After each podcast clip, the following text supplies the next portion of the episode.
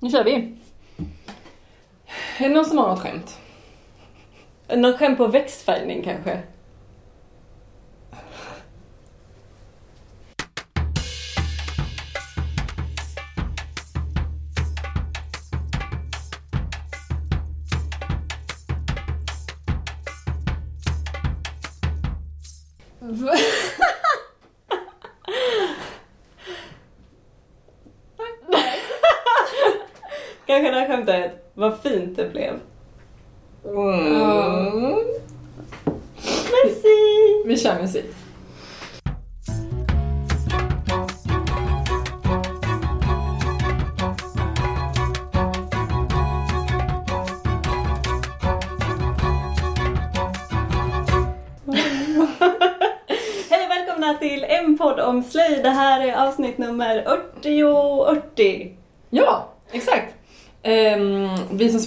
Heter som vanligt Sara och Karin.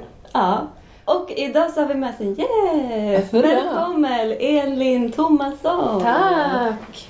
Hur känns det? Nervöst. Ja, vad bra. Jag blir alltså smickrad när folk säger att de är nervösa. För att det brukar låta så här. Eh, Jag är så himla nervös för att vara med i er podd för att ni är så himla roliga och jag är rädd att jag ska vara tråkig. Men det är kanske inte din skräck. Men det vet jag redan om, det är inget jag är rädd för. nej, nej, nej, nej. så är det inte alls. Det kommer gå jättebra. Ja, definitivt. Ehm, vi har ju eh, eh, bjudit in dig idag därför att eh, vi vill prata om ett speciellt ämne. Och det ämnet är växtfärgning. Du har ju skrivit en, din kandidatuppsats på... Nej, vad heter det program? Ledarskap i slöjd och kulturhantverk. Precis, om växtfärgning. Ja. Vad heter ditt arbete? Uh, oj, det, min- det ska sägas, det var ett år sedan jag skrev. Eh, jag har inte läst det sedan dess. Men du har ju Eh, precis läst den, du borde komma ihåg vad Det heter. heter Färgad av kulturarvet. Eh, utövar aspekter av växtfärgning som kulturarv. Som immateriellt Immateriellt kulturarv. kulturarv, tror jag. Kanske. ja. Så det kan ni söka på. Eh, Man kan bara googla så här uppsats växtfärgning så kommer det upp. Är det det så? gjorde jag i morse. Ja. Annars ligger den Så. i databasen Gupea. ja, men det är där den kommer upp. Ja, det är bra. Mm. Toppen. Coolt. Uppsats växtfärgning googlar ni. Eh, Det är sån här, eh, om vi, eh, när du hör det här ljudet så är det dags att vända blad och så är Elins uppsats det ni sitter framför er. Så tung kommer den här podden vara. På sida nummer 18, eh, Elin, kan vi ju läsa att välkommen till din disputation. Får man svära i den här podden så Ja. gör jag det nu. Ja. Det är så att eh, jag och Karin kommer också avgöra om den blir eller inte blir godkänd. Okej, Så, Ehm. så kul är det med oss. nu blir jag inte nervös. Så säger de att vi är roliga. Det är det dummaste jag har hört. Men Elin, du är ju inte bara proffs på växtfärgning, du är vår kompis också. Ja, just det. Lite. Ja, precis så är det. Hur känner ni varandra, Sara och Elin? Du är ju också inte bara kompis utan vi är också kollegor. Ja, Just det är en väldigt invecklad relation detta. Ja, precis. Vi började som någon slags studiekompisar eftersom att Ja. du gick året under mig på ledarskap i slöjd och kulturhantverk. Mm. Det började faktiskt med att jag lärde känna din sambo. Mm, vilket är sjukt random. Mm. Men det är kul. Ja. Eftersom att han, ja. Det var i en sån här eh, studentförening. Mm, vi drack öl ihop. Ja, Eftersom ja, att ja. han också gick på Göteborgs universitet då och eh, pluggade fysik. Så, Mm. och eftersom att ledarskap i slöjd och kulturhantverk ligger under den naturvetenskapliga fakulteten, förstår ju vem som helst. Eh, ja. Ja. Så dricker man öl med de som pluggar fysik. Ja, ja. Så är det. Mm. Flott. Ja. Ja, eh, nej. Tvärtom. Men kul.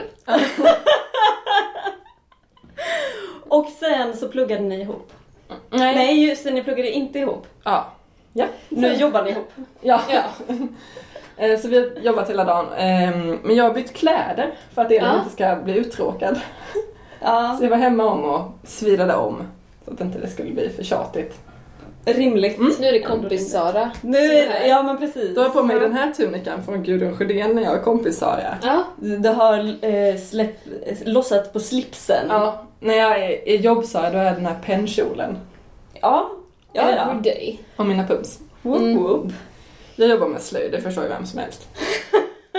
Jag måste ha Mm. bättre jobbkläder, tror jag. Kulturkofta varje dag. Mm. Rimligt. Mycket, mycket. Mm, så så är det med det. Ja. Vi jobbar i Borås. ja, på Slöjd i Väst. Ja, det ska vi se också. Eh, Vad har ni? Har ni några flådiga titlar? Mm. Det har vi faktiskt. länshemslöjdskonsulent. Alltså det är coolt. Det är långt. Ja. Och det betyder att man jobbar på regionen med att främja och utveckla slöjd. precis. Ja, men du har jobbat med ett ascoolt eh, grej nu. Puzzle Riot, eller hur? Ja! Är inte det ditt eh, lindebarn? Det är det, har Ja. varit. Eller det har precis tagit slut. Ja. Det är ett projekt tillsammans med eh, Kulturförvaltningen i Borås eh, som jobbar med ett projekt som heter Pussel. Som går ut på att man genom att konsumera kultur samlar pusselbitar och när du har två stycken så får du gå på ett gratis evenemang. Nej, vad coolt! Ja! Och då det är väldigt vi- poppis faktiskt. Det är väldigt populärt. Mm. Ett jättebra sätt för att få folk att gå på kulturgrejer. Ja. Alltså vi som kommer från, eller som från, kommer från Göteborg som är en väldigt stor stad. När man kommer till Borås där som är en lite mindre stad så blir saker och ting lite, liksom lite mer överskådliga tror jag. Ja. Och så är, då är ju pussel sådär att det, finns eh, ett stadsbibliotek, ja det är det ju i Göteborg också förresten men men ehm, det har liksom spritt sig och blivit väldigt bra, Mm. det där pusseleriet. Och då är det så här att Anders Teglund som driver det, han har så här, man får önska vem vill du se i Borås? Och så önskade jättemånga Silvana Imam och då tog han in henne. Mm. Och inför hennes konsert så hade vi träffar där vi slöjdade masker eftersom hon använde det på scen och så diskuterade vi eh, identitet och feminism i anslutning till det. Kul! Ja. Kom det många? Nej, Fy fan! ja. Men jag tror att man måste jobba upp en relation Ja. med folk. Ja. Det var nog det. Men de som kom var ju fantastiska. ja, jag fattar det. Ja, Gud, ja. så det var jättekul. Och så, var, så nu utmynnade alltihopa den här konserten då. Precis. Mm. Och det var fett. Och folk hade på sig sina masker som de... De hade det? Ja, det hade de. Det var coolt. Ja, Jesus. Spännande, så sånt kan man jobba med om man jobbar som länshemslöjdskonsulent. Precis. Alltså typ bara världens bästa jobb kanske. Alltså typ. Nu är jag dock vikarie, kan Mm. sägas. Så alla län där ute i hela Sverige, ni får liksom, ni får fiska nu efter Elin. Mm. Hon, hennes vik går ut sista juni så det är bara att haffa. Yes. Först till kvarn. Ja, Det Precis. där lät inte bra. Högstbjudande. Ja, precis. högstbjudande låter bättre. ja. Du har gjort en annan sak på, på ditt jobb och det är ju att eh, pumpa liv i Slöjd i Västs Instagram. Det har jag gjort. Konto. Mm. Eh, Så det tycker jag att alla som inte följer ska gå in och följa därför att där Ja. är det numera gästpostare. Precis, och då får man låna kontot en vecka Mm.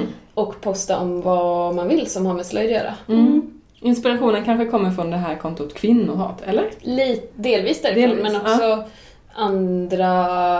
Eh, svart kvinna har också Precis. gäst- Vad heter det? Makthavarna. Ja, Gästpostarkonton. ja Mm. precis. Så det är ju också ett sätt för att eh, Slöjd i Väst som har ett sånt här konto upplåter det till folk eftersom att vi jobbar för allmänheten så får allmänheten synas där. Mm, Mm. precis. Slöjd i Vast. Slå i Följ, vast. följ, följ. Mm. Det är värt. Bra tips! Vi tänkte givetvis grilla dig med de här tre frågorna som vi alltid grillar våra gäster med. Jag säger alltid därför att De... Eh, alla känner ju till den eh, höga frekvens som de här poddarna kommer ut. Eh, så. Men vad var det du skulle säga? jag vet inte. Nej, okej. Jo, att det är tre snabba som brukar bli tre långsamma. just det Mm. precis. Um, Tre snabba frågor som brukar ta de första 45 minuterna av hela programmet. och sen måste vi peta in rösten sen på slutet. så Så förbered dig på en lång podd. Mm, och om ni hör Yes. Let it go i bakgrunden så är det mitt barn i det andra rummet.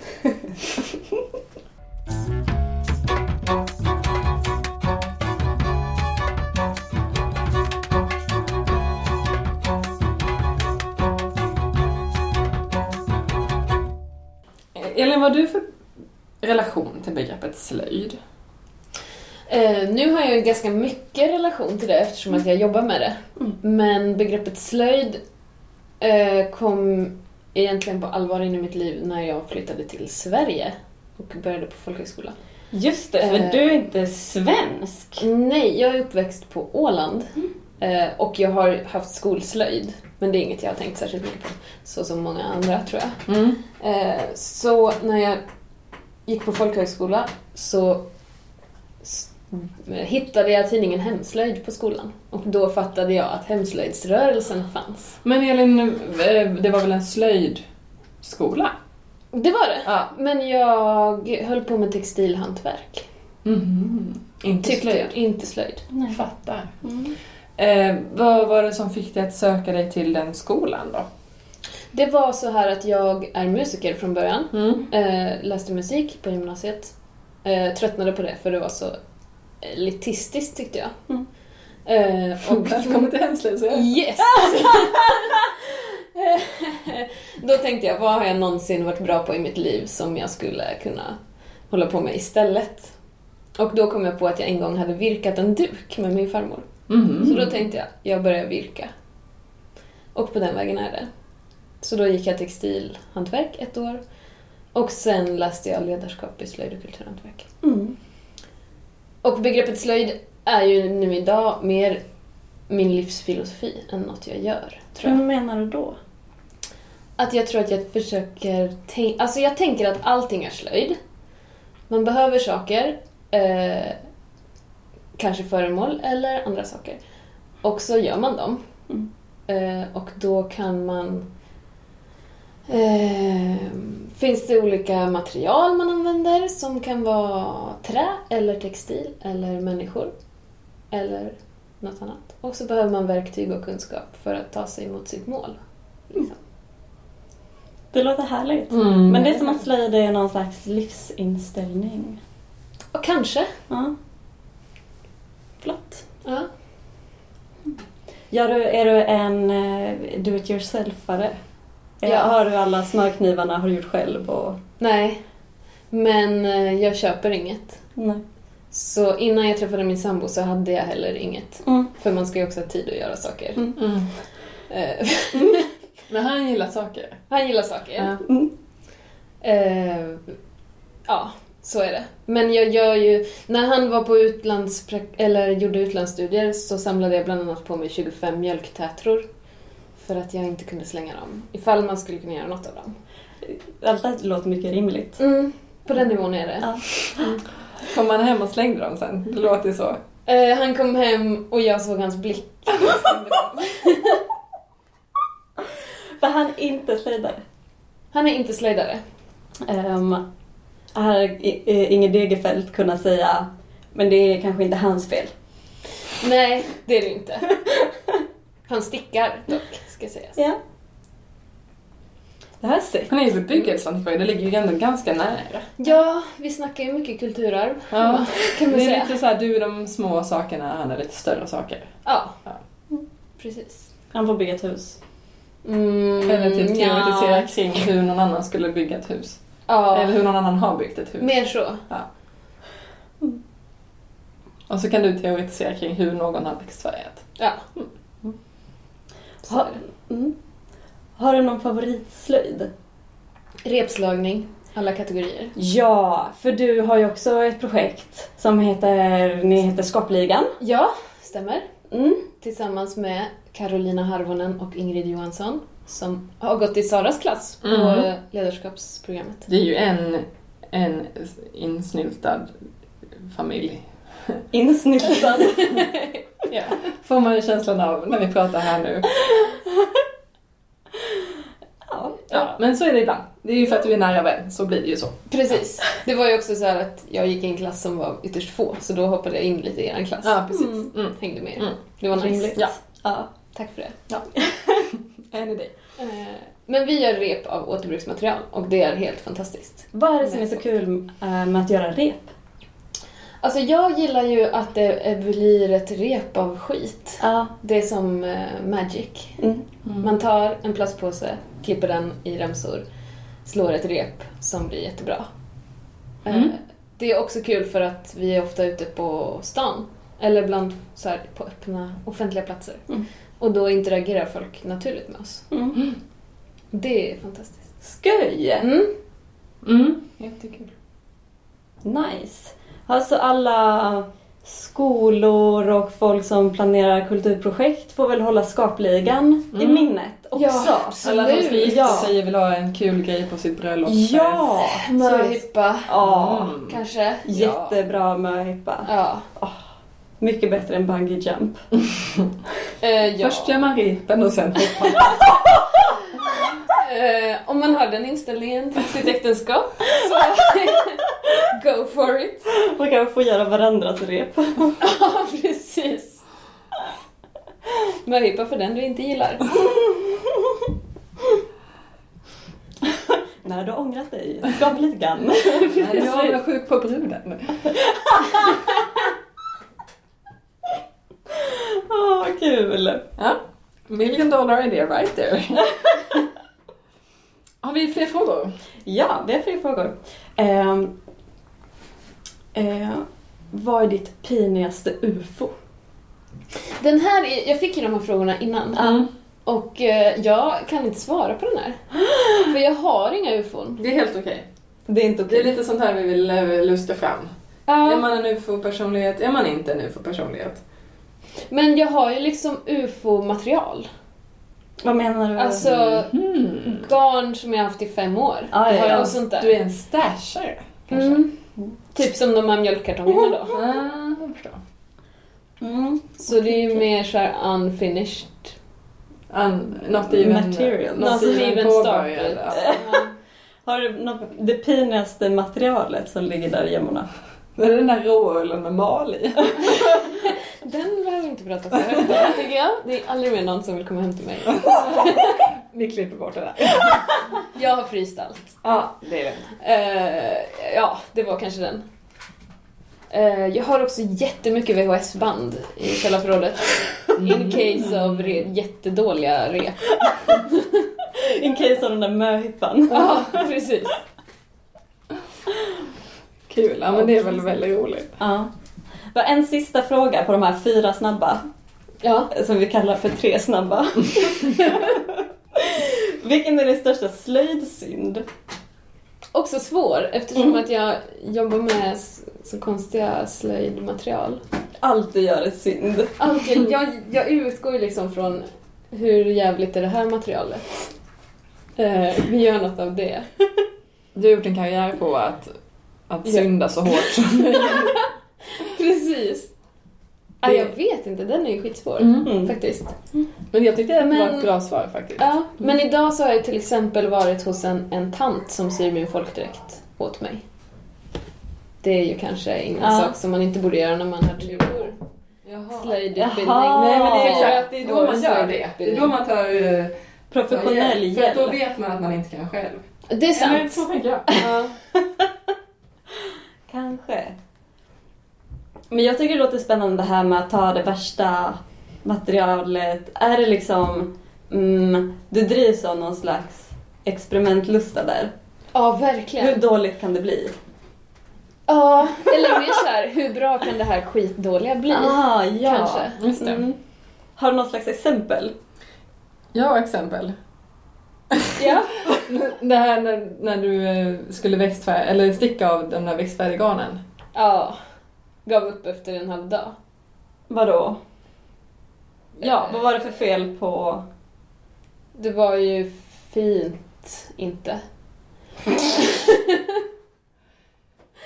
det var så här, jag har en kompis som snöade in på en svamp parasitsvamp som växer på björken. Mm. För att den är, man kan drick, koka te på den och dricka den. Är det chaga? Ja. Exakt. Eh, vet inte vad den heter på svenska. Någon ticka. Typ. Ehm, det är inte björk... eh, ja. Mm. Ja, jag färgade i alla fall med den. Det blev tråkigare än björklöv. Eh, Det blir ju lite beige. lite väl. Min hudfärg i januari. Eh, lite så. Ja. Tänkte det här blir spexiga vantar till min kompis med björksvampen. Mm.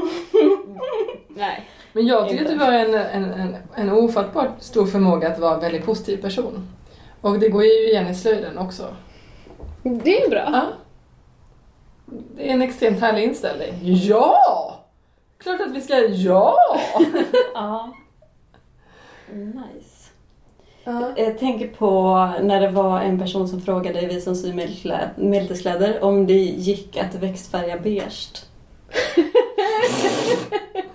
Var det någon som Åh. svarade det går inte att växtfärga någon annan färg? Jag vet att vi försökte, ja nu kommer jag ihåg, vi försökte hetsa varandra till att svara det. Det går inte att växtfärga så att det inte blir beige. Och vi kommer få så många haters nu. Nej, vi pratar så mycket underbart om Ja, växtfärgning så det är lugnt. Ni, kan, Ja. ni, behöver inte stänga av redan än. Ni, ja. Nej, eh, hold on. Mm. Eh, eh, don't let it go. Kul. Det var fyra snabba. Det var fyra snabba. Den heter sprängticka. Spräng Ja!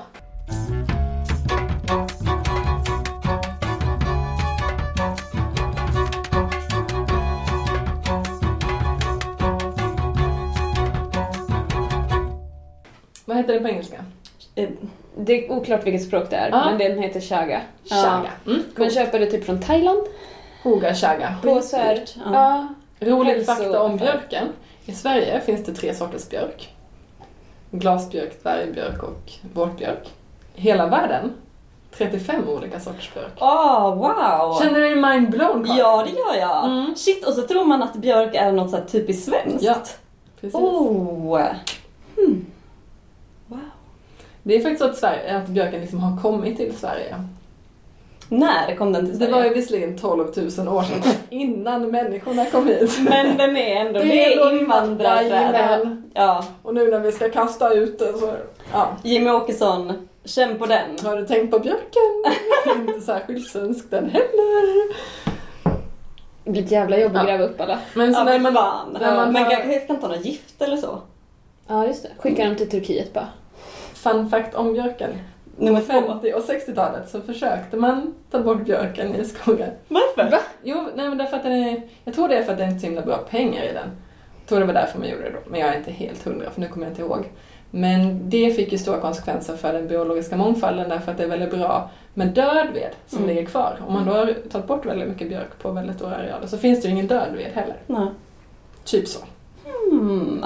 Kommer du spränga in lite fakta om björken nu? Det kan hända att Den det kommer- kommer komma en och annan fakta om björken. Hon kommer aldrig sluta. är det så här era arbetsdagar ser ut? Det brukar vara så här. Mjöllen sitter vid sitt, skrivbord, försöker jobba. Sara sitter vid sitt skrivbord, försöker berätta fun facts om björk. Varje dag. Om Mjöllen inte svarar så skriver jag på Messenger. Om jag lätt svarar på Messenger, sms. Vet du att det finns en fågel som heter gråsiskan som äter knopparna på björken? Mm. Nu koncentrerar jag mig här borta. Ja. Eh, ja. Mm. Man kan ju också växtfärga av björkens löv. Ja. Eh, kan man ju. Och det leder ju oss osökt in på din uppsats Elin. Nej, vi ska nu prata om slöjdläget. Just det, åh nej, just det, just, Just det. det. Jag glömde. Ja, Det var eh, för länge sedan vi spelade in podd. vi måste skärpa oss. Ja. Det blir bättre om jag lyckas flytta tillbaka. Ja, jag förstår inte. Ja, då kommer ni kunna spela in varje natt. Ja, nej, så fort barnet har gått och lagt sig. Ja. Det kommer bli en podd om dagen. Istället för en podd om slöjd, en podd om dagen. Så är det bara jag och Karin som berättar vad som hände den dagen. Idag så kollar jag på mitt garn men jag hann inte. Nej, Och sen kommer det fun facts om björken. Dagens fun fact om björken. Vi borde ha så minipoddar. Ja! Fem minuter fun fact om björken. Ja. Och vad gjorde Karin idag? Och vem ska ge Karin en lägenhet? Mm. Eh, vi nu ehm, ska vi gå över till dagens andra punkt. Eller tredje, eller fjärde. Eh, och då frågar vi så här, Elin, hur är slöjdläget? Slöjdläget är bra. Mm. Eh, Jag har lite ont i nacken på grund av för mycket stickning på buss. Aj, aj, aj. Men vad sticker du på nu då? Just nu stickar jag vanten Gudrun. Ja. Igen. Ja. Eh, för att eh, eftersom att den här podden inte kommer ut före lördag så berättar jag att det ska bli en möhippepresent till min syster. Ja, men åh, världens bästa. Jag hoppas ju det Ja, i alla fall. åh. Eh, nu när det är så här 35 grader varmt så behöver man feministvantar. Jag vet en, jag vet en som håller på att sticka en, eh, ett par gudrunvantar till sin dotter som precis har skilt sig. Det, ja. För att det är så här Åh. upp till kamp liksom. Ja. Men, vad, men du tänker att hon behöver lite kamp när hon går in i äktenskapet? ja, jag tänker det här på något vis. Jag tänker också att de är väldigt roliga att sticka. Ja, Ja. men jag känner så här, även om det är 35 grader varmt så finns, kvarstår ju det här problemet med patriarkatet liksom. Ja, Så. precis. Så de kommer behövas. Men Sara, varför sitter du med vantar på dig? Det är augusti. Patriarkatet. Rimligt. Mm. Mycket, mycket rimligt. Och jag har ett jätteproblem med vanten Gudrun och det är att jag vet så många som behöver dem som jag Ja. måste sticka presenter till. Så jag har inte mina egna än. Nej. För det har jag inte hunnit sticka Men du har stickat ett par stycken och gett bort. Jag har stickat ett par och gett bort och nu är jag inne på de andra som jag också ska ge bort. Mm. Mm. Um, så längtar efter mina egna men, det, Mm. men jag ska sticka ett par till innan jag stickat mina till mig. Okej. Mm. Stort problem. Ja, jag förstår. Jag kan, I can relate. Ja. Vad heter hon? Maria Lärkäng som är från Ja, precis. Maria Lärkäng gör inte så jävla bra mönster så att man vill sticka till alla sina kompisar. Gör lite lagom så att man kan sticka bara till sig själv. Ja, faktiskt. Men jag har en idé, får jag Ja. berätta om den? Ja. Apropå vanten Gudrun, det kanske inte ens är alla som vet vad vanten Gudrun är. Har ni sagt det nu? Det är Maria Lärkäng som har gjort ett vantmönster som heter Gudrun Mittens. Ja. Man får kolla på Ravelry, de är helt fantastiska. Det är alltså ett kvinnotecken. Kvinnokampstecknet. Ja, det är men det kvinnotecken är- med den knutna näven i. Ja, precis. Nu var det sagt. Ehm, jag, är ju, jag är inne på min sjätte Gudrunvante på en månad kanske. Ditt sjätte par? Nej, Sjätte vante? Okej, helvete. jag, bara Sjätte kollar, jag bara kollar. Och jag har inte garn så räcker till hela den vanten så det kommer antagligen bara bli eh, fem och en halv vantar. Vad är det för garn? Det är Rauma finuligt lila. Alicia kanske har en slatt så vi ska titta på det. Ja, ja. Eh, men i alla fall. Men när jag har suttit och stickat de här, jag har ju också hetsat lite. Jag liksom började sticka dem så blev det hets. Eh, då fick jag en idé om att man skulle, för det är, jag vet inte om det är Maria Lärking eller om det är någon annan med stick-instagram-person. Men som har skickat ett par sådana här vantar till Stina Wolter som är en feministisk ikon. Eh, och det är så himla fint. Så då när jag satt och stickade de här tänkte jag men man, man skulle kunna göra ett sånt där upprop liksom. Mm. Att vi som är unga feministslöjdare stickar Gudrunvantar och skickar till våra äldre feministiska förebilder. ja. Rimligt. Mm. Det, Eh, så du kommer aldrig få ett par Jag kommer aldrig få eh, mina egna någonsin. Om 25 år.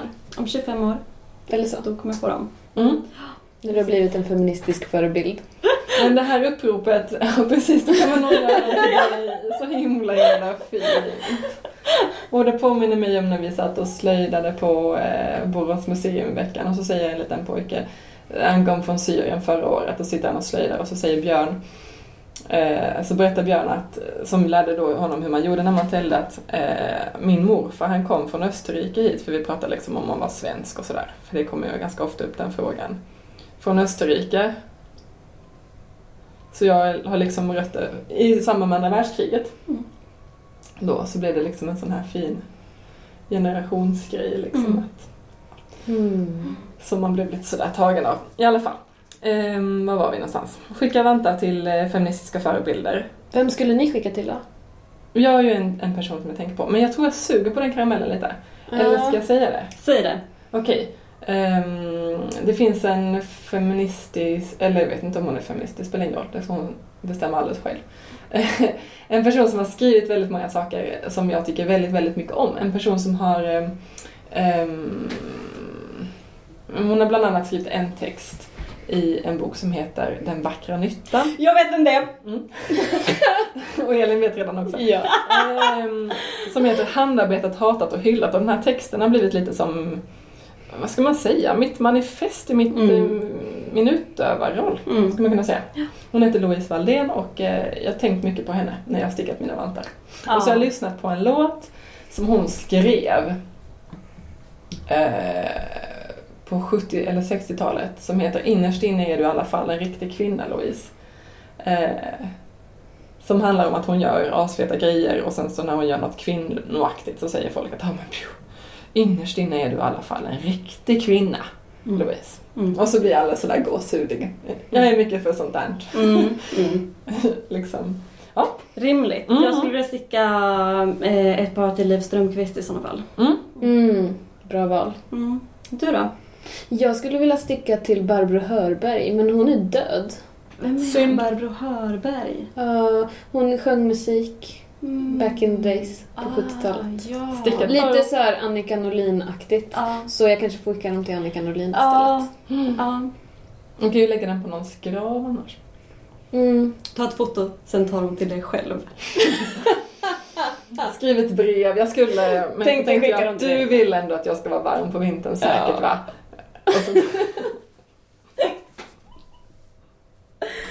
Men rimligt slöjdläge, Elin. ja. Ja, jag trivs. Mm. Men du sticker alltså på bussen? Ja, 100-bussen? 100 bussen till Borås. Mm. Flott. Det är en Mm. mycket bra stickbuss. Väldigt bra stickbuss. Mm. Mm. Mm. Man får sitta i fred också.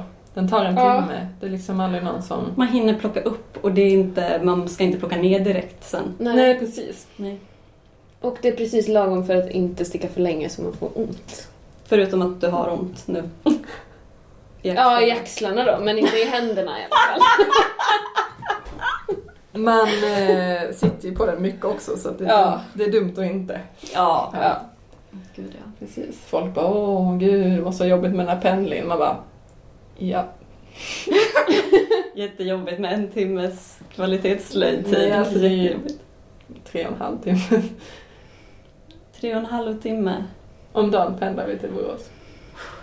Vi gillar Borås. Vi gillar stickning. Ni gillar Borås Mm. stickning väldigt mycket. Men jag vill ändå göra ett shout-out här. Mm. Eh, prata inte på 100-bussen. Nej. Nej, hallå. Särskilt jag trodde att det, telefon. var, att det var så, för jag vet att eh, jag gjorde praktik hos Hillevi för Mm. jättelänge sedan. Mm. Och då möttes vi upp första dagen, första gången vi träffades. Mm. Svintidigt på morgonen vid 100-bussen vid Korsvägen. Mm. Mm. Och så sa hon, god morgon, hej, nu när vi går på här så kan vi inte prata för det är som en så här tyst överenskommelse att alla ska vara tysta Mm. på den här tidiga 100-bussen. Mm. Så godnatt, men vi, vi kan hälsa ordentligt när vi är framme. Ja, Vad det fint. Exakt så är Exakt så är det. det. Och det där var föredömligt beteende av Hillevi. Ja. Eh, det är alltså hon som Elin är vikarie för nu. Precis. Ehm, men det är ju massa människor som då inte respekterar det här. Och det är liksom som att det inte räcker med onda ögat. Man blir så förbannad. Skärp er! Till alla vuxna. Ja. ja. Åh. Det är också väldigt många som inte pratar. En eloge till er. Ja, ja, Ja. det är bra. Man får hylla dem som gör rätt Ja. också. Mm. Sara, hur är slöjdläget? Slöjdläget? Ehm, jo men jag är ju som eh, du vet, Karin, en eh, av och på-människa vad det gäller slöjd.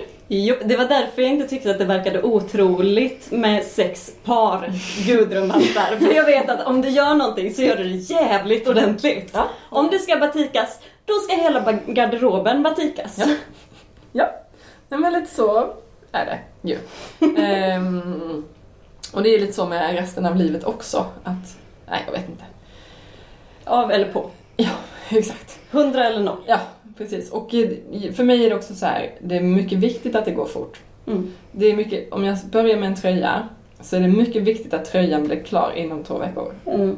Det blir, det blir väldigt jobbigt för mig väldigt Mm. ofta, men det är ändå värt det på något vis.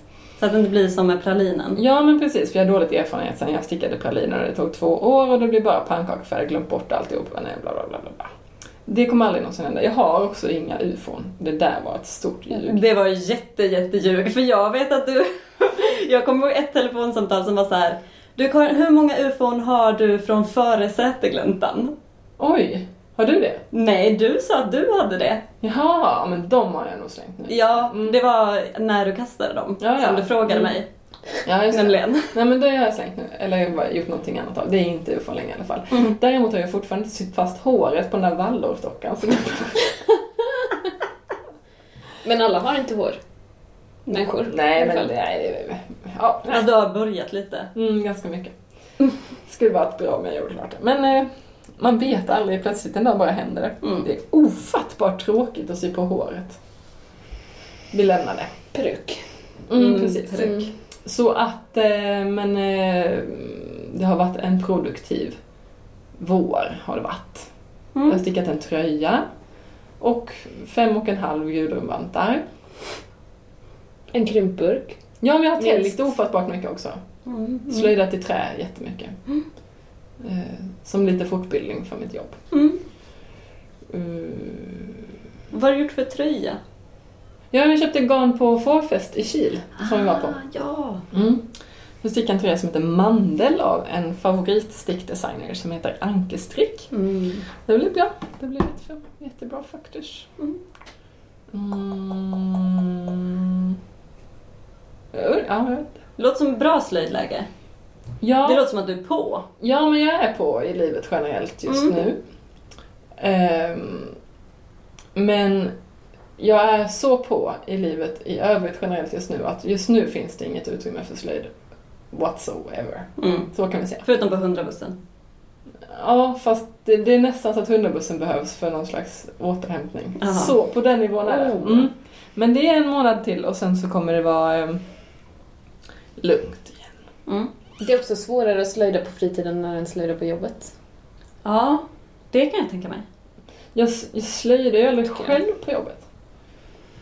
Ehm, Ja, det är sant. Men du blir, får inte den här ibland fed up-känslan? Av slöjd? Mm. Ehm, nej. Det har aldrig hänt mig. Nej. Nej men det, Det, låter sunt det är inte om man en har den. fråga liksom. Det är inte en konstig fråga men jag tror att det är som du säger att det är liksom ett sätt att leva livet. Det låter ju jätte pretentiöst. Gröna vågen, slöjden. Ja. Slöjden och vågen. Alla dina problem kommer att försvinna om du bara sätter dig ner och täljer en smörkniva. Ja. Ja. Mm. Exakt så faktiskt. Ja, så du, eh, men kommer det lugna ner sig lite till sommaren? Ska du ha någon slags semester som du kan viga åt slöjd? Ja, ja precis. Det ska jag ju ha, en slags semester. Men så har jag varit inne på min Instagram och så har jag kollat att förra året när jag hade semester, då blev jag lite besviken. För att det inte blev så mycket slöjdande som jag hade liksom lite sett fram emot. Ja. Fiskar du efter att jag ska göra klart alla mina jävla medeltidskläder nu? För att i sådana fall så vill jag bara berätta att det är sant. Jag har ju en klänning, alltså jag har jättestora, jag har jättestora planer för medeltidsgarderoben inför medeltidsveckan, vecka 32 i slutet av augusti, mitten av augusti. Ehm, det vet jag ju nu när du säger det. Jag hade bara lite glömt bort det, att det kommer bli en mycket hetsig sommarperiod med det. Jag ser fram emot detta. Ja, det ska liksom nya outfit till alla i familjen. Där är ambitionsnivån. Bara hela familjen. Mm. Mm. Okej. Men jag ska lägga mer, mest tid på min egen klänning. Ja, det är fan rimligt. Ja. Gud. Du ska inte skicka den till någon feminist? Klänningen. Ja. Eller någon från medeltiden? hade varit kul. Hade det gått hade jag gjort det. Eh, Ja. Heliga Birgitta. Vi har ju ett lik Ah. på vårt kontor. Jag kommer Ja. att tänka på det nu. Danne Ja, kvinnan. ja precis. Dannike. Dannike kvinnan. Ja. Jag har ju en pojkvän som tycker om mosslik. Ja. Så han har lärt sig lite om Dannike-kvinnan då. Säger det är det tråkigaste mossliket som finns. Ett jätteroligt måste Men man vet väldigt lite om det. Detta hände. Men det har inget kött, därför är det tråkigt. Men man kan inte Det är bara skelett. Ja, precis. Men detta hände. Det här är intressant med. Vad vi var. Eh, De hittade henne 1942. De grävde upp en kista. Mm. Eh, Och så eh, ringde de till Stockholm och Riksantikvarieämbetet som satte sig i en bil, en antikvarie, i ilfart körde ner till Danneke för att eh, kolla på det här extraordinära fyndet då. Mm. Och dagen, och då när han kom, dagen efter, då, hade, då var fyndet eh, citat kraftigt omrört. Och någon har troligtvis tagit huvudet. Nej! Vem har tagit det huvudet? Ingen vet, men det har inget huvud nu i alla fall. Någon hetsig skallslöjdare. Jag ser framför mig att man typ har tagit en väldigt, väldigt slafsig hund. Eller inte slafsig, ska jag säga. En sån här som liksom som, som hoppar väldigt mycket. Nej. Och så har det liksom hoppat runt där i fingret för allting låg huller och bullar. Tagit huvudet och sprungit Och iväg. sprungit iväg. Ja, så- Ägaren bara, det här kan vi inte lämna tillbaka, det är ju massa dregel på oss Ja, vi precis. gömmer det här. Så eh, det tycker jag ändå är väldigt intressant. Ja. Mm. Men det är inte jättegammalt det är ju mm, daterat till sekelskiftet 1600-1700-talet. ja. Jag har en rolig grej på Mosslik. Okej. Det är att eh, när Björn skulle åka till Norge till sin stuga och slappna av en vecka så var vi tvungna att köpa bö- böcker på second hand och då hittade han en bok som man skulle läsa som handlar om mosslik. Och i den här boken så är det en bild på ett mosslik, alltså ursäkta men det är så roligt, som är så himla lik Astrid Lindgren. Jo. Så nu går liksom skämten här hemma eh, om till exempel Mossliks Astrid Lindgrens värld. Och det är så roligt för det känns som att det är så förbjudet att skämta om Astrid Lindgren som är så jävla helig. Ja, det gör man bara inte. Nej, men alltså det är, det är Astrid Lindgren på pricken. Det är jättelikt i ansiktet. Jag visade för mamma och hon tyckte inte alls att det var roligt. Det är en generationsfråga. Åh. Men du Karin, Ja, nu är det ditt eget slöjdläge. jo för fan. Det är bra. Mm. Eh, jag har varit hemma hos min mamma i Ja. helgen. Ja. Ehm, vi tycker om slöjd. Mm. Därför blir det mycket slöjd. Mm. Så. Och i julas, jag vet inte om jag har, när poddade vi senast? Kommer inte ihåg. Jag tror att det var typ februari eller något. Ja men för då tror jag att jag berättade att jag har fått en handvevad symaskin. I Ja. någon slags examenspresent i förtid. Väldigt god förtid. Så. Ja, Ja. bra med framförhållning. Ja men verkligen. Och det är inte så att man kan sitta och hålla på en nyservad eh, handvevad symaskin. Nej. Liksom. Det går ju inte så då fick jag den i julas. Och nu när jag var hemma så var jag bara tvungen att plocka upp och prova. Ja. Alltså det var så himla kul! Gud, ehm, allt var så himla roligt! Det var så himla himla speciellt. Eh, så det första som vi var tvungna att göra var att pilla upp undertråden. Ja. Och så här, att ens lista ut hur du ska göra. Vi fick plocka jättelänge. Men, Men är det en sån här gammal som är ombyggd till handvev? Eller den är handvev från början? den är handvevad Ja. från början. Tror jag. Coolt. Ja, jag kommer inte ihåg att, eh, att vår symaskinsreparatör Torkel sa något annat till mamma. Nej. Eh, så. Men den är norsk från början och jätte, jättetjusig. Jag har förmodligen stått i något rikt hem för det är små, eh, vad heter pärlemo eh, inslag i brädan. Intarsia. Eh, intarsia, pärlemo intarsia. Jätte, jättegullig är den. Och då när vi får upp undertråden så är den i en spole, eller, eller spolen sitter som i en liten, liten skyttel. Och undertråden går fram och tillbaka Mhm. när man vevar. Nej. Jo men så det är så sött! Så liksom spolen där undertråden sitter, det är ju som en liten, liten vävspole liksom. Ja. Oj, Så då fattar man liksom varför det heter spole. Eh, Ja, just det. på något vis. Och spola upp undertråd och, och sådär.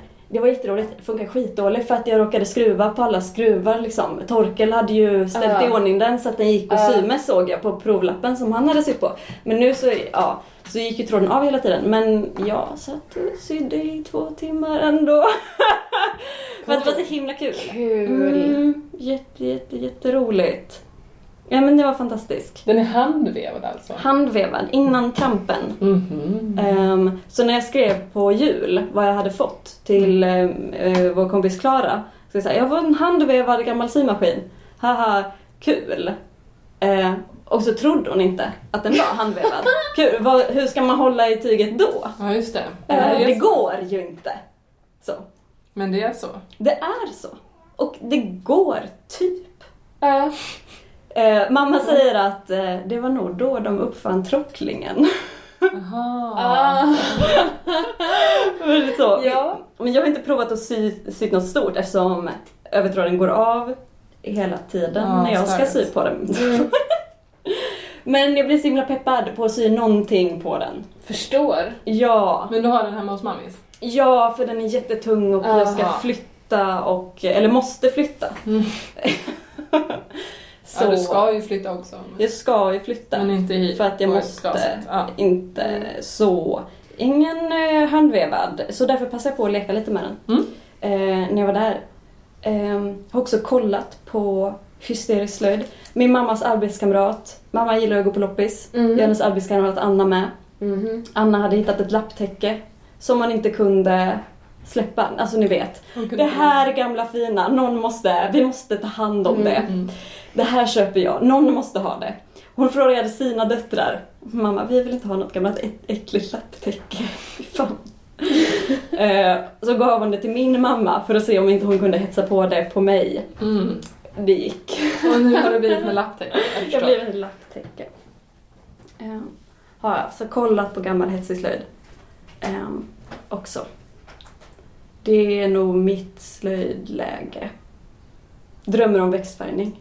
Ja. Ja. Har du några växtfärgningsplaner? Ja, det har jag. Ehm, jag har, det är mycket medeltiden Ja. och vikingatiden. Ja, just det. Ja. Ehm, och jag har ehm, ehm, lite deppig nu för att vi fick inte en spelning på Ålands vikingamarknad Va? Saltvik. Men jag var där förra året. Ja. Men vi fick inte komma tillbaka dit i år. Varför? Jag vet inte! Eh, om de skulle ta dit något, prova något annat band eller om de inte... Ja, jättetråkigt. Grejen med vikingamarknader är väl inte att de förnyar sig? Nej men hallå! Vad är meningen med det?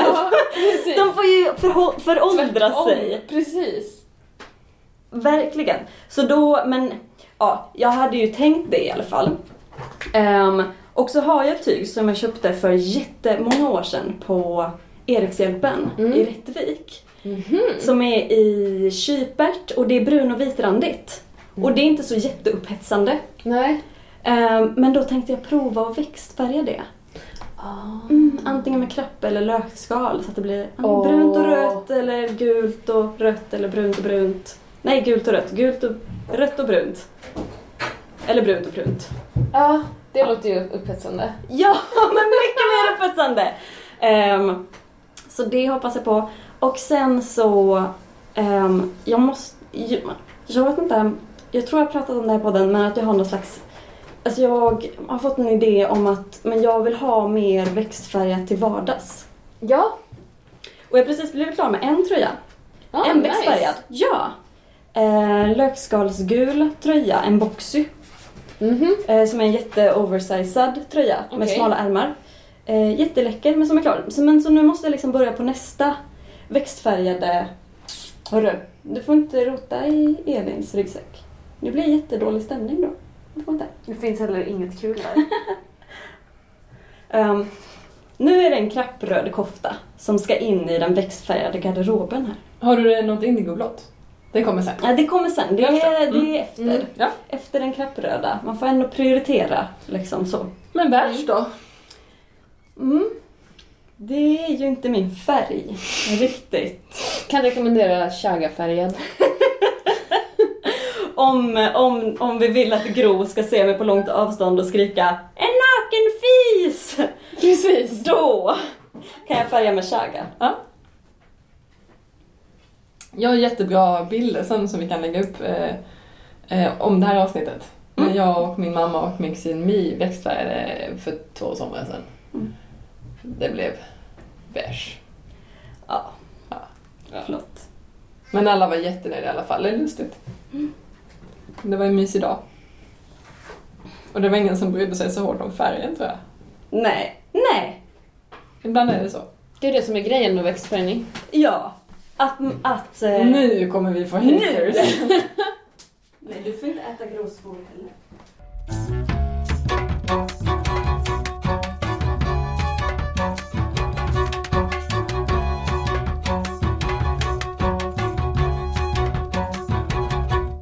Karin, Ja.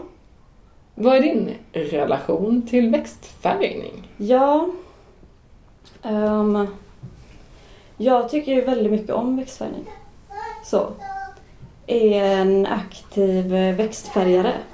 Mm, kul. Eh, ja, jag är inte... Och jag är ju också bara intresserad av att växtfärga. Ehm, jag är ju inte intresserad av att färga syntetiskt. Jag tänker Mm. på det ibland att så här, ja men åh den där färgen går inte att få tag på. Jag kanske ska lära mig att färga syntetiskt. Och så känner jag bara så här, nej vad jobbigt. Ja. Är inte det konstigt? För det är mycket slafsigare med växtfärgning.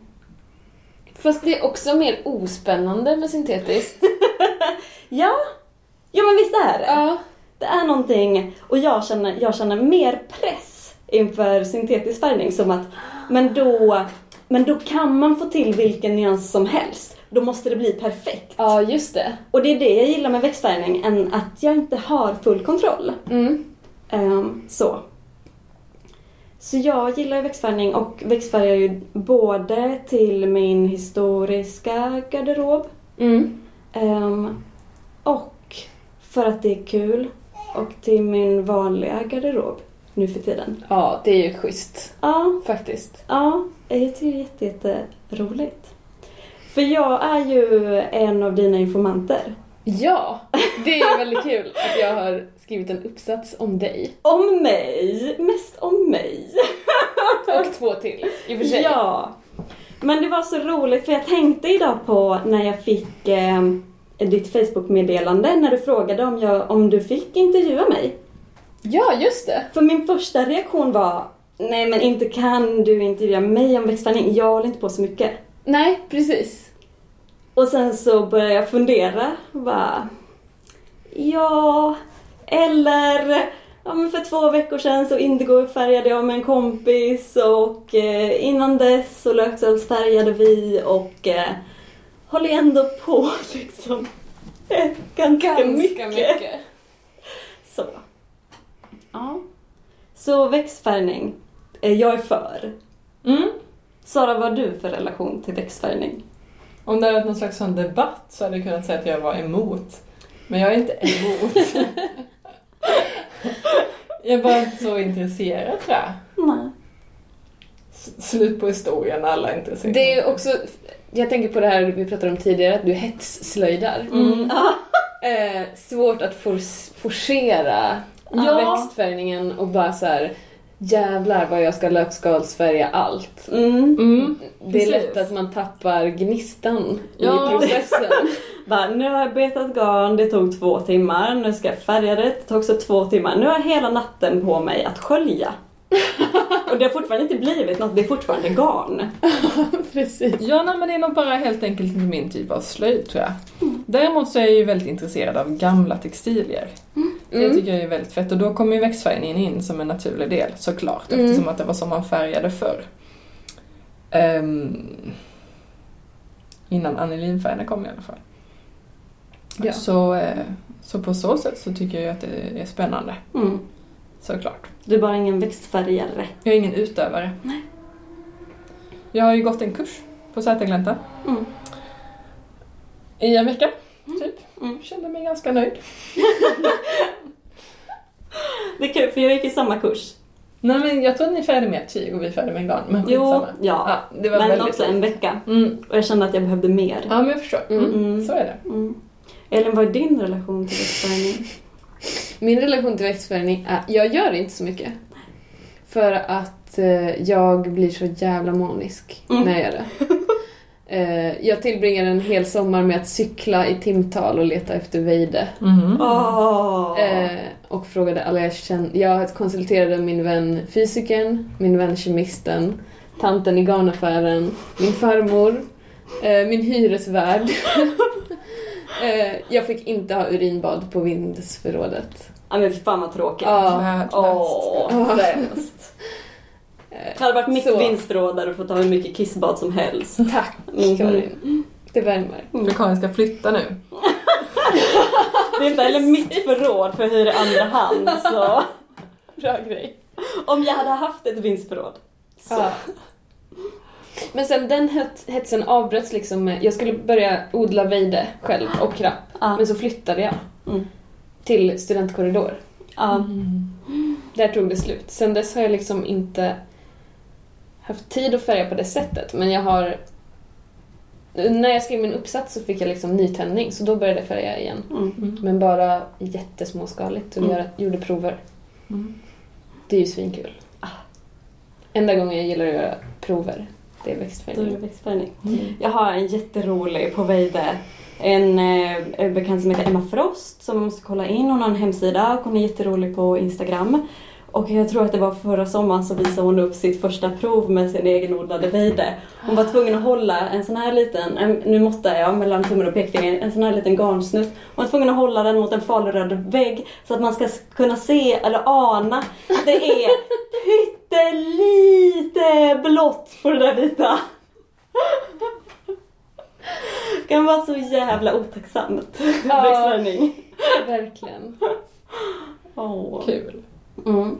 Men du valde ju också att skriva din kandidatuppsats om växtfärgning.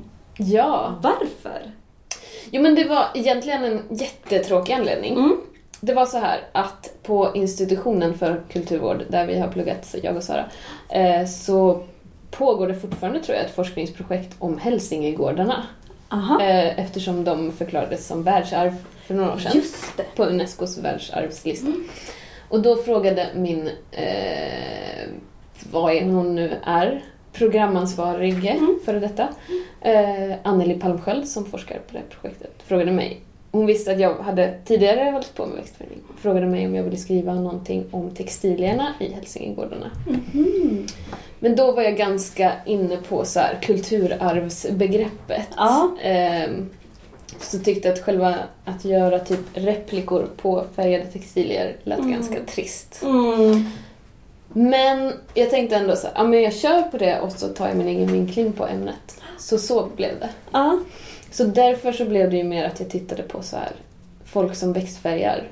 Vad är deras upplevelse av det och vad eh, så här, upplever man att det är ett kulturarv när man håller på med det? Eller Mm. alltså bryr man sig ens om det? Eller kör man bara? Mm. Mm. Men vad tänkte Vad är ett kulturarv då? Det är lite olika Ja. beroende på vem man frågar. Mm. Eh, Vi frågar dig. Mig. Om man ser så här i, i Sverige i stort, så här, när folk pratar om kulturarv, så snackar man mycket om gamla hus, eh, miljöer eller föremål. Ja. Fysiska, Fysiska grejer, grejer, och mycket platser. hus. Man pratar ofta om kulturarvet, Ja. som är det, det gamla grejset i samhället. Våra gamla grejer som vi har. Ja, Ja. ja. att vi måste förvalta det, Mm. Och sådär. Mm. bevara. 65 miljoner museiföremål. Ja, Ganska mycket hus. ganska, alla hus. Ja. Beroende på vem man frågar. Ja. Eh, men jag hade då gått en, en kurs som heter interkultur på eh, Karlstad universitet precis innan. Mm. Eh, som handlade mer om vad kultur är. Mm. Och intresserade mig liksom för själva begreppet kultur och sen adderade arv till det. Ja. Mm. Så jag har skrivit mer om kulturarvsbegreppet som en, en där kultur är en social gemenskap som bygger på att man har gemensamma värderingar Mm. som ärvs. Och tillsammans med värderingarna så ärver man olika traditioner eller sedvänjor. Mm. Eh, eller hus, om man vill. Ja.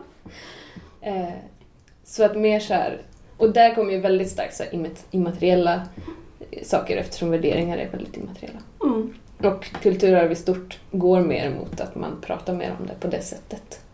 Mm. Vad spännande, vad skönt det känns att det utvecklas. Ja, Jag som står vid sidan av och eh, kollar på. Precis, så Ja. går det ju förstås i olika hastigheter. Jo, jo. Man befinner sig. Det är det vi pratar ibland om kulturarv vän istället, att man inte ska använda den bestämda formen. Ja. Eller ska och ska, men att det finns ett annat sätt att se på det som att det är många. Och de är olika.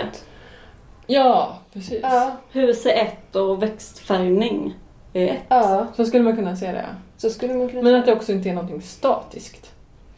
Precis. Kultur är ju inte statiskt. Och historieskrivningen är ju inte heller huggen i sten liksom. Nej. Man kan inte Nej. säga att så här och så här såg växtfärgningen ut på 1700-talet i Sverige. Därför att det är bara ett sätt att säga det liksom. Mm. Mm. Man har valt den här och den här och den här grejen att beskriva som det. Men att man kunde ju valt den där och den där och den där grejen också. Man lämnar ut vissa detaljer och framhäver andra. Så är det ju Mm, ja, när man skriver precis. historia. Så Ja. det är ju naturligt, det blir ju så. Ehm, Men då måste man också komma ihåg att eh, det inte finns någon objektiv sanning Mm. när Mm. man pratar om det. det, eh, essensen i kulturarv handlar ju egentligen om så här. Alltså om man pratar om kulturarv då måste man alltid ta eh, ställning till begreppet autenticitet. Mhm. Alltså om någonting är sant eller inte, Ja. äkta. Och det är ju någonting som är extremt subjektivt. Mm. Om någonting är äkta. Min, eh, våran kompis Hedvig som gör slöjdlägret, som vi kanske kommer att prata om sen, eh, jobbar ju i en byggnadsvårdsbutik och då kommer det in folk eh, som vill kanske återskapa ett hus från 30-talet.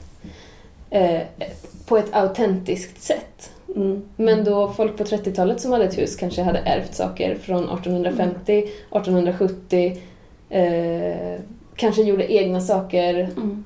och hade samtida grejer. Mm. Så allting... Historien är ju hela tiden en blandning av tider Ja, och människors tolkningar. Mm. spännande. Det här autenticitetsbegreppet, ehm, det kommer man ju väldigt ofta in på också när man pratar om HK. Ja. Historiskt korrekt och vad är det och vad är äkta och vad är sant och så vidare. Och så vidare. Mm. Mm. Väldigt, väldigt spännande. Mm. Mm. Ja, ehm, för du... ehm, du har ju kollat på två saker. Mm. Dels har du intervjuat tre personer Mm. och dels har du kollat på litteratur. Ja, Eller hur? precis. Ja. Vad kul att få nörda ner sig i, eh, i eh, böcker om växtfärgning. ja, väldigt kul. För du har kollat på Faktiskt. lite äldre och lite nyare, eller? Jag har försökt hitta eh, dels väldigt gammal, Mm. alltså så här, typ från anilinfärgernas intåg och framåt. Mm. Eh, kanske inte kollat på exakt allt som finns. Nej, det är, Det är förståeligt. Eh, men man kan ju se liksom så här i litteraturen att det har kommit boomar. Liksom. Typ, jag tror, nu var det ett tag sedan, men jag tror att så på... nu är det barnet som låter i bakgrunden. Men att det har kommit boomar, Mm. typ på... Jag läste en artikel som var så här från 20-talet, tror jag, Mm. 1920. Ja. Som var så här, på grund av den senaste tidens intresse så eh, Mm. finner Hushållningssällskapet, kanske det var, ett behov av att göra en publikation om växtfärgning. Mm. Eh, och sen kom ju 60-talet eh, som var väldigt stort fram till slutet på 80-talet ungefär. Uppdatering från rummet bredvid. Hunden tog barnets kaka. Nej! Ja. Det var boomar, förlåt. Det var boomar. Där, blev jag avbruten. Av detta Det kakskrik. var barnet som boomade. Ja. Det var boomar. När var det boomar? Från vilken tid har du bör- börjat kolla? Eh, ja, precis. Eh, typ anilinfärgernas intåg 19, 1860 någonting. Ja. Ungefär. Mm. Eh, då var det, gick det inte så bra för växtfärgningen kan man säga. Mm. Eh, blev Har ni pratat om anilinfärger? Nej, Nej. det har vi inte gjort. Förlåt. Anilinfärgerna kom ju, det här kanske ni kan bättre än jag, jag minns inte riktigt hur Säg. det var. Men det var en gubbe i England Ja. som skulle framställa något annat. Vad var det för något? Krut. Det var något så här viktigt. Ah. Nej, krut måste ju ha funnits. Tja, nej. Det var något... Eh... Något industriaktigt. Han skulle göra penicillin, men så blev det fel. Så? Ja, vi säger det. Och så blev det lila. Ja. Och så kunde man färga med det. Kul! Mm. Alltså det måste ju varit så roligt att leva då. Ja. Då bara, när det gick att få tag på de här knalliga äntligen. Ja, inga flera lökskal. Inga fler av den där tickan som växte på björken som jag, som jag, redan, glömt- beige. som jag redan glömt vad den heter. Sprängticka. Ja. Ja, vad tyckte Lilly Sickerman om det här då? Inte så glad. Men precis, Hon och det- tyckte att växtfärgerna var bjärta. Nej, anilinfärgerna. Ja, Anilinfärgerna just det. skrikiga. Skrikiga. Mm. Och, Och att vulgära. det var... Vad fan var det? Det var något som var så jäkla kul så jag var tvungen att smsa om det. Um, Gottköpsprål. Ja, precis. Och Lili Sickerman var då, för de som inte vet, eh, en, en, en, för, en av grundarna till hemslöjden kan man säga. Hon Mm. som började förfasas över att det svenska allmogesamhället var på väg att försvinna bort. Och ville bevara det för framtiden och samlade in en väldig massa föremål. Och hade, Resten är historia. hade väldigt mycket åsikter. Hon hade Mm. väldigt mycket åsikter om vad som var fint och vad som var fult och vad som var bra och vad som var dåligt. Och när anilinfärgerna kom så var de alltså grått, gråttpråliga. Mm, ish. Vad sa du? Gottköp. Gottköpsprål. Gottköpspråliga. Alltså jag vill ha det jämt. Jag med! Lilly Sickermans ord för kitsch. Ja, det är perfekt. Jag tänkte köpa guldskor idag men sen kom jag på det här med grottköp och så gjorde jag inte det. Gott. Gottköpsprål. Grottköp. Perfekt. Ja, men det som, var, det som är problemet som vi idag kan, ah, inte ha några åsikter om, men, men lite ändå. Det är när man kollar på gamla textilier eh, så kan man se att här har det varit anilinfärgat. Och det kan man se därför att färgen är inte kvar. Den var väldigt, väldigt dålig på att sitta kvar. Den var inte färgbeständig. Så heter det. Mm. Mm, Så det, det- tog de ett här- tag innan alla fattade hur man gjorde kan jag tänka mig. Ja men Mm. antagligen så. Och sen så liksom, ja. eh, Den tvättades ur snabbt Mm. helt enkelt. Så att det vi har kvar idag är inte bjärt alls. Lilly hade varit nöjd. Om hon bara hade vetat Ja, hur de skulle försvinna. Ja, precis. Eh, Och bli till den här beigea då. Mm. Mm. Eh, Så var det med det. Men då när de kom så var det svinpoppis och då Ja, försvann precis. växtfärgningen då. Men, Men innan lite- dess hade man växtfärgat supermycket eller? Alltid. Ja. Typ. Forever Så länge man har hittat textilier Mm. så har man färgat dem. Mm. Försökt färga dem på olika Mm. sätt. Eh, Det finns ju inte supermycket lämningar av textilier eftersom att det är textilier. Liksom. Mm. De är ju inte lika gamla som stenar Nej. Till exempel. Eh, Men då kom det en boom på 20-talet Mm. ungefär. Mm. Jag tror att det var, om jag minns rätt. För jag hittade en artikel som var så här, på grund av det senaste intresset, eh, senaste tidens intresse för växtfärgning så kände vi på, vad sa jag att det var? Eh, husmors... Hussäll, ja, något hussällskap. Ja. Kände sig manade att göra en publikation i ämnet. Mm.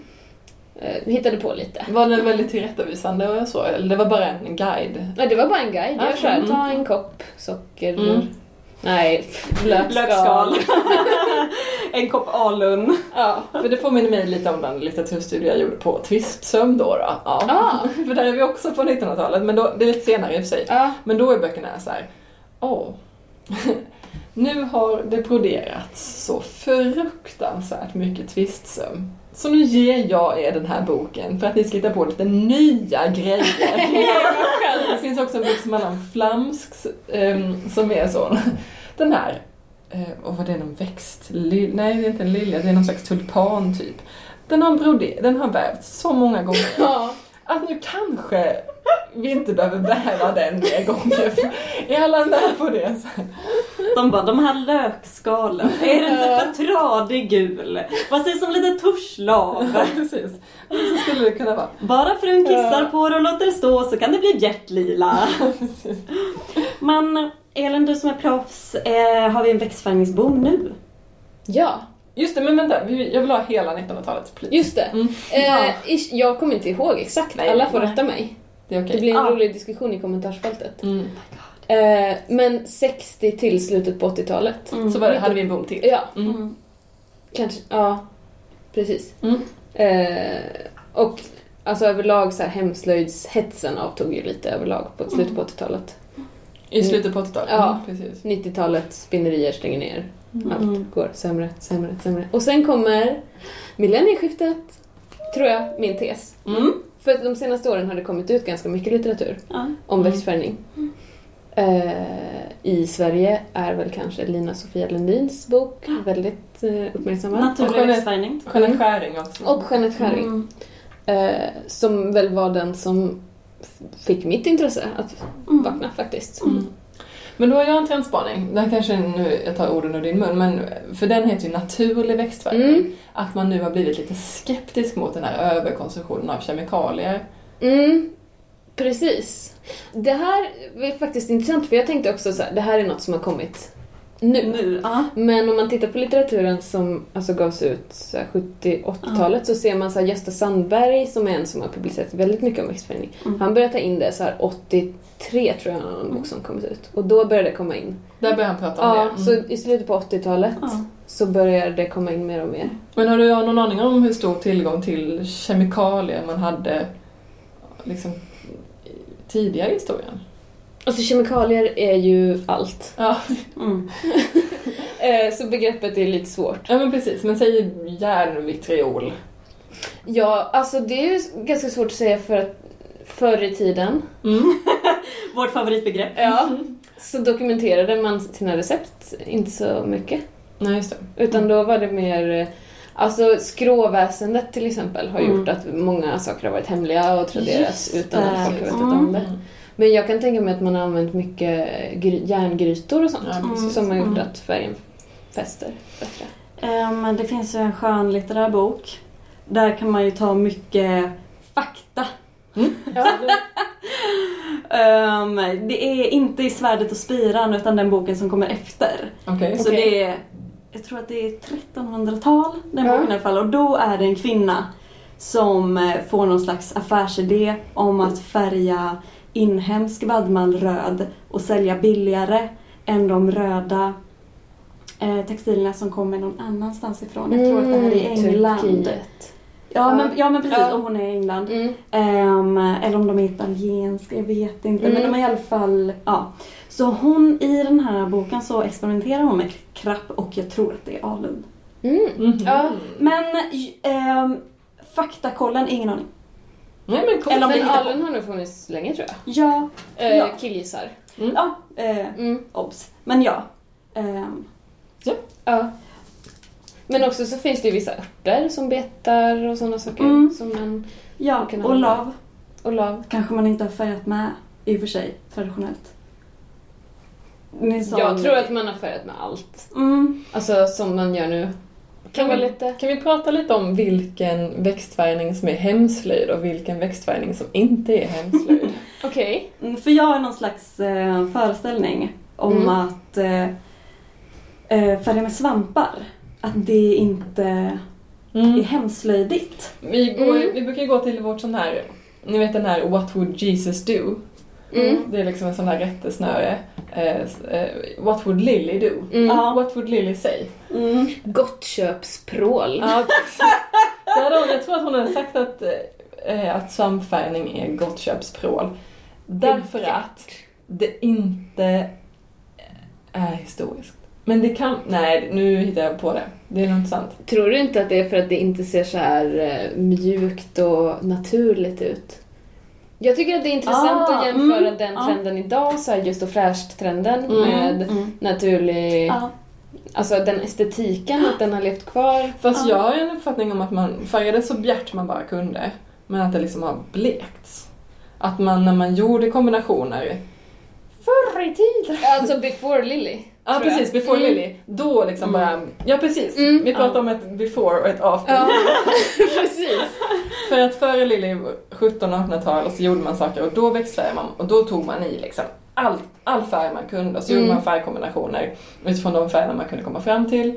Eh, och sen så blektes de tills Lillys tid och då gjorde man då, då var det de här blekta Mm, versionerna då det som blev idealet och de var ganska o- objärta. Mm. Mm. En, en annan gissning, Mm. det är också att det kan vara så här att allmogen förr i tiden, before Lily, Mm. färgade bjärt som attans Mm. för att de ville se rika ut. Mm.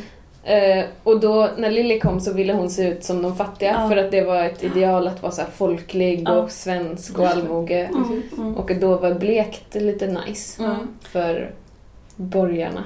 Och så har jag en till teori om det här med svamparna. Ja.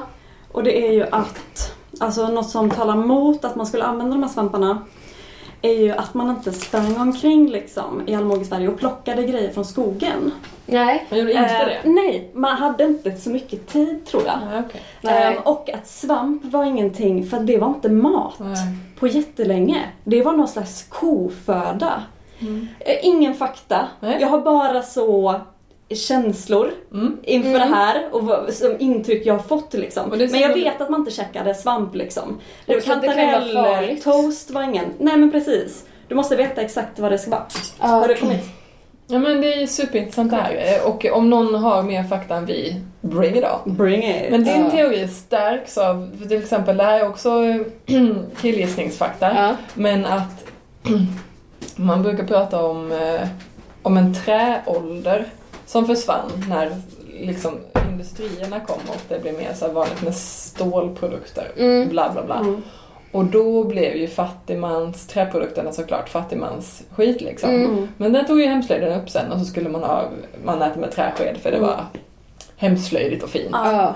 Precis. Mm. Gud ja. Ehm, men du har också intervjuat personer. För Jag att har kolla vad... intervjuat personer. Ja, varför? Eh, för att kolla, alltså så här, svårt att sitta hemma och gissa vad folk upplever att växtförädling är. Mm. Eh, så jag tänkte jag frågar några. Ja, ja. Eh, jättesvårt. Hur valde du vilka som skulle frågas? Eh, pff, ja, en person...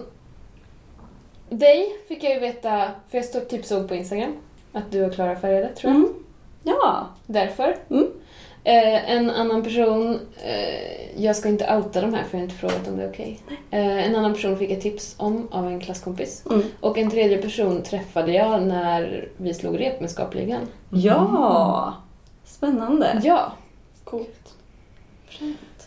Får jag prata lite om, om 70-tals växtfärgning? Ja, det är kul.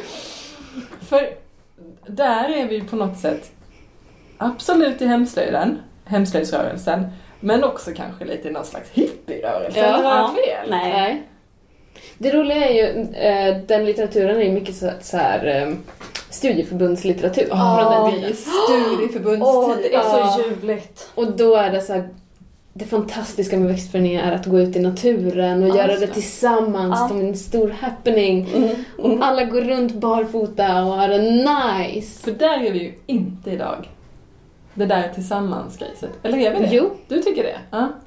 enligt mina informanter Jag förstår. eh, så är den sociala aspekten Ja. ganska Precis, viktig. men det är inte det här skogsrå sociala. Nej. Eh, det är det inte. Men att man gör det ju gärna tillsammans med andra. Eh, både så här i kursform men också som ett häng. Mm. Mm. Totally. Ja, Som Men- all slöjd, tänker jag. ja precis. Så är det ju. Mm. Men det roliga är ju också så här eh, att begreppen den gamla och den nya växtförädlingen kommer upp. Ja. För det trodde jag ju när jag började med uppsatsen att så här, det här kommer bli tydligt. Och det blev det. Och det Ja. är ju kul. Och när man pratar om den gamla och den nya växtfärgen så är det inte before and after Lily utan typ before and after 90-talet. Ja, Mm, exakt. Eh, before and after Jeanette Skäring typ, i Sverige. Mm. just det. Eh, för Jeanette är den som börjar i Sverige med att färga utan så kallade kemikalier. Typ Mm. alen och så, alltså processade kemikalier kan man säga. Sånt som är påverkat av människan. Som inte är syre och väte. Ja, precis. Och både hon har ju och eh, Lina Sofia har ju en extremt tydlig miljö, eh, ett mi- miljöbudskap med, Mm. sin, eh, med sitt arbete. Mm. Som är liksom en, en känga i rumpan på hela textilindustrin och så vidare. Mm. Precis. Och det finns också en, jag tror att hon är amerikansk ah, författare som har gett ut några böcker om växtförädling som har samma grej. Mm. Jag kommer inte ihåg vad hon heter men det är en grön bok. Mm. Eh, kan skicka en bild sen. Ja. Som är samma sak. Och det är liksom den nya, att man så här också inte färgar i stora grytor på gården och eldar under. Nej. Utan att man tar en burk i fönstret istället. Just det. Eller gräver ner det. Mm. Mm. Eh, för att det blir en fruktningsprocess som Ja. fäster pigment. Liksom. Ja. Mm. Men för jag tycker att det är så himla roligt att se på Instagram och andra sociala medier liksom, att folk verkligen håller på och växtfärgar. Ja, man är ju verkligen. sällan ensam. Ja. Eller så.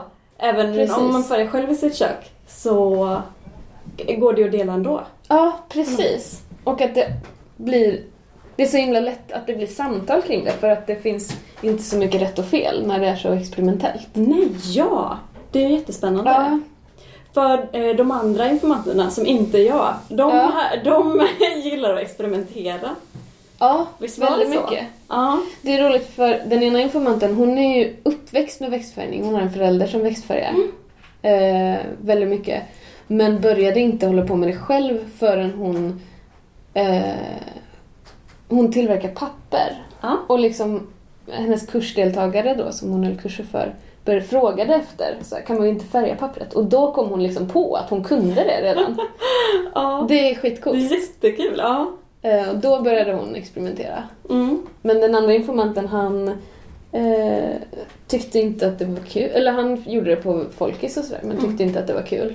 Så, omständigt och kladdigt och jobbigt. Men sen kom på att man kunde göra det i en burk. Mm. Och då Och det blev det kul. kul. Ja. Det finns en växtfärgning för alla. Ja. Men jag tror att det är som med allt, att man måste liksom Ja. hitta sitt eget. Mm. Så här, just det, men jag kan applicera det på den här grejen som jag redan älskar. Ja. Mm. ja. Går det att säga vem det är som växtfärgar idag? Det vet jag inte. Nej. Vad tror du? Ehm, alltså, eller, för, eller det jag ser är att det är väldigt mycket unga människor Ja. som växtfärgar. fanns ju tidigare en knapp, eh, sån som man, en sån pin som man sätter på sin jacka som det stod eh, Spinning because knitting in- isn't weird enough. Mm. Ja, den har var- jag på min jacka. Ja, Mm. det är Limo Design som säljer den. Ehm, kan det vara så att eh, växtfärgning because knitting isn't weird enough? Ja, kanske. Kanske. Jag vill ju helst vara väldigt udda. Ja, precis. Därför växtfärgar Nej men det handlar lite om att nu nu har man stickat ett tag och så vill man liksom gå ännu ett steg bak eller fram eller vad man ska säga. Alltså man vill göra mer av processen. Ja, det är väl också det att man vill ta kontroll över saker som Mm. man inte har kontroll över när man köper saker. Så man börjar spinna och man börjar växtfärga. Ja. och sådär. För det är ganska mycket sådana saker nu, typ stickning, som de här 70-tals, de som var på 70-talet typ skrattar åt att folk håller på med. Eh, Vadå då? bonadsvävar, Mm. Till exempel. Ja, att vi tar upp det. makramé, Ja, det är ju en skrattis. ja, Mm. växtfärgning. Eh, så här. Att folk vill hålla på med det här. Ja, Mm. ja.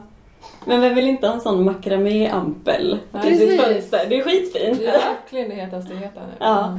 Jättebra insynsskydd om man bor på bottenvåningen som jag gör. Ah, Smart. Hmm. Flott.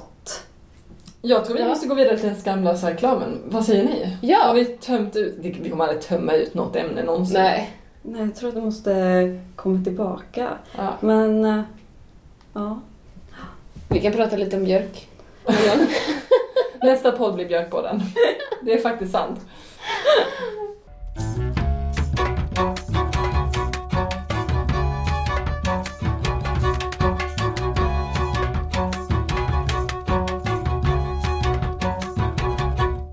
Skamlös reklam, nu blir det skamlös reklam.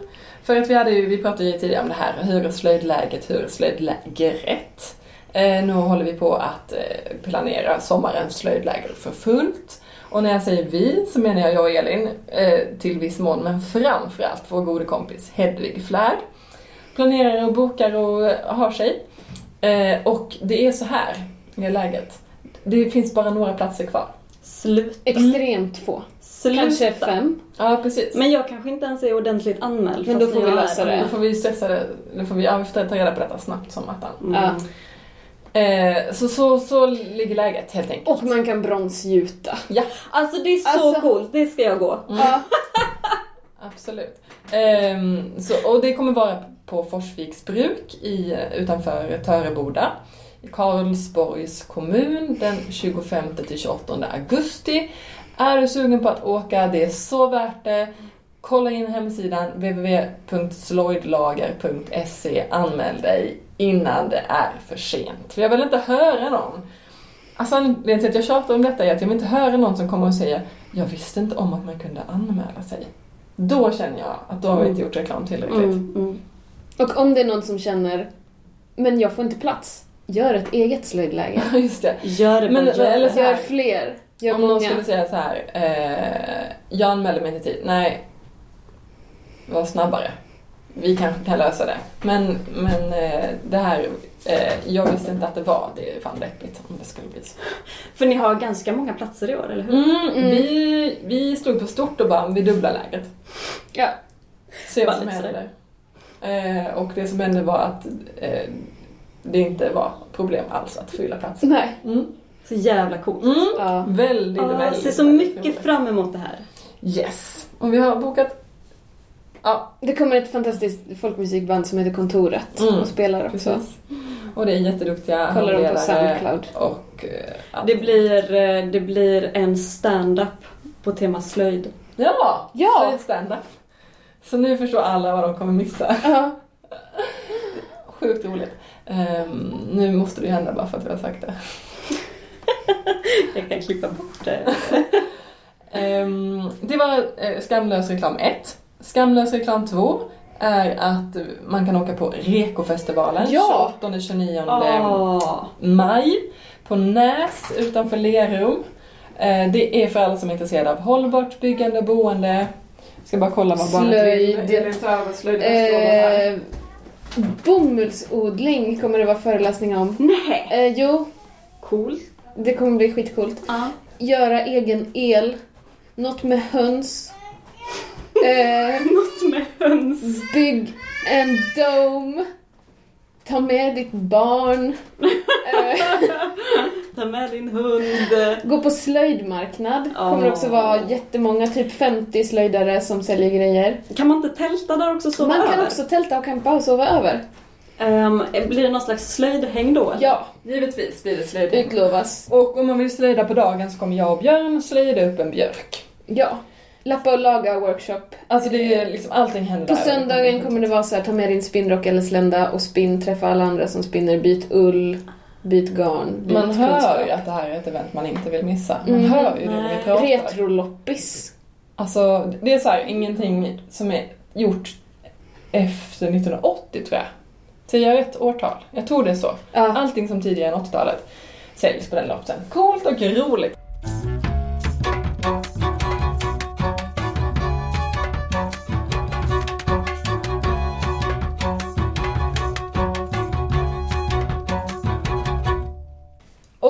Allra, allra sist så vill jag bara säga några ord om mitt projekt Ja! jag jobbar på. Ja. För det har inte jag gjort och det är tråkigt för att då får ingen reda på om det. Det är väldigt coolt och kul. Eh, Jag håller på och jobbar med björk och barn och naturvetenskap.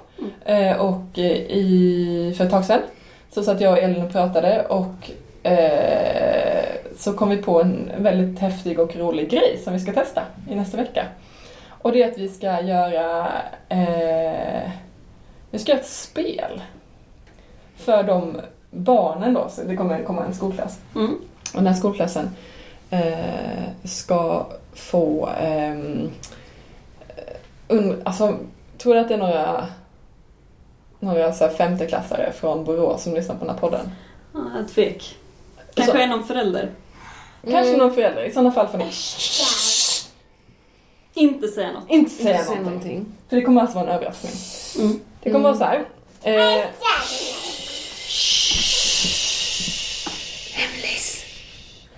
barnen kommer till Borås museum. Hej och välkomna till Borås museum.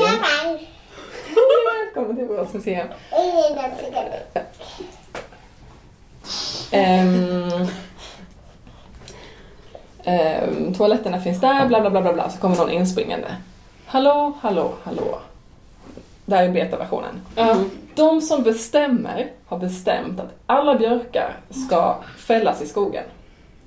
Ni som är barn idag kan berätta för de som bestämmer varför det är viktigt med björkar, varför vi ska ha kvar björkar Mm. i skogen. Ni kommer få ett uppdrag, ni kommer att få... Eh, det är snus. ni, kommer att, ni kommer att få samla sex stycken resurser som björken står för. Och de här resurserna ska ni presentera för de som bestämmer för att få dem att ändra sig. Och om ni inte gör det så riskerar hela ekosystemet att kollapsa. Lite tungt för femteklassare. De är spelar ju World of Warcraft. Det fixar de. Ja, ja herregud. Så, eh, eh, så kommer de skickas ut på en runda i skogen. Mm. Där de kommer få massa olika uppdrag och samla resurser. Jo, hur många kakor har du ätit idag för att jag skulle få spela in podden? Lagom. I alla fall. Eh, och så ehm, eh, på slutet så kommer de att då få möta den som bestämmer. Som, Bossen. bossen. Som kommer vara Elin i kostym typ. Yes. Så pompös. Jag är så peppad. Eh, och så kommer de få förklara, men det är faktiskt så att björken genom fotosyntesen producerar syre som vi kan andas. Just det Elin. Mm. Ja, just det. Elin. Så bara tänk på det nästa gång du tänkte fälla en björk. och så vidare, så vidare, så vidare. Ja, så så kul har vi på Mm. Åh, vad roligt. Ja, Och om man är mer intresserad av björk, då kan man ju åka till Borås museum ja, precis. Mm. också. För att, vi, för att anledningen till att det här projektet lite har dragit igång är att Mm. vi har en utställning där nu som heter Ur björk. Mm. Som vi ska ha vernissage på, för på söndag, den 15. Eh, och i den här utställningen så har 22 slöjdare slöjdat upp en hel björk. Och det blev 400 grejer. Och det blir 400 grejer. Ja. Och om det här trädet hade sålts som timmer, pappersmassa kanske, eller någonting, Mm. så hade man fått någon tusen... Okej. Vadå ket? Raket, paket, Pappersmassa. staket. Hmm, oklart. Ehm, då några hundralappar, några tusenlappar kanske. Jag vet- jag har faktiskt ingen riktig koll. Nu kan de här föremålen, Paketen. vilket ket, säljas för 250 000. Vänta, paket. Ska vi gå hem nu? En fjärdedels miljon. En fjärdedels miljon, och med de orden. Nej, nej, nej, rolig sak som hände på mitt jobb. Ja!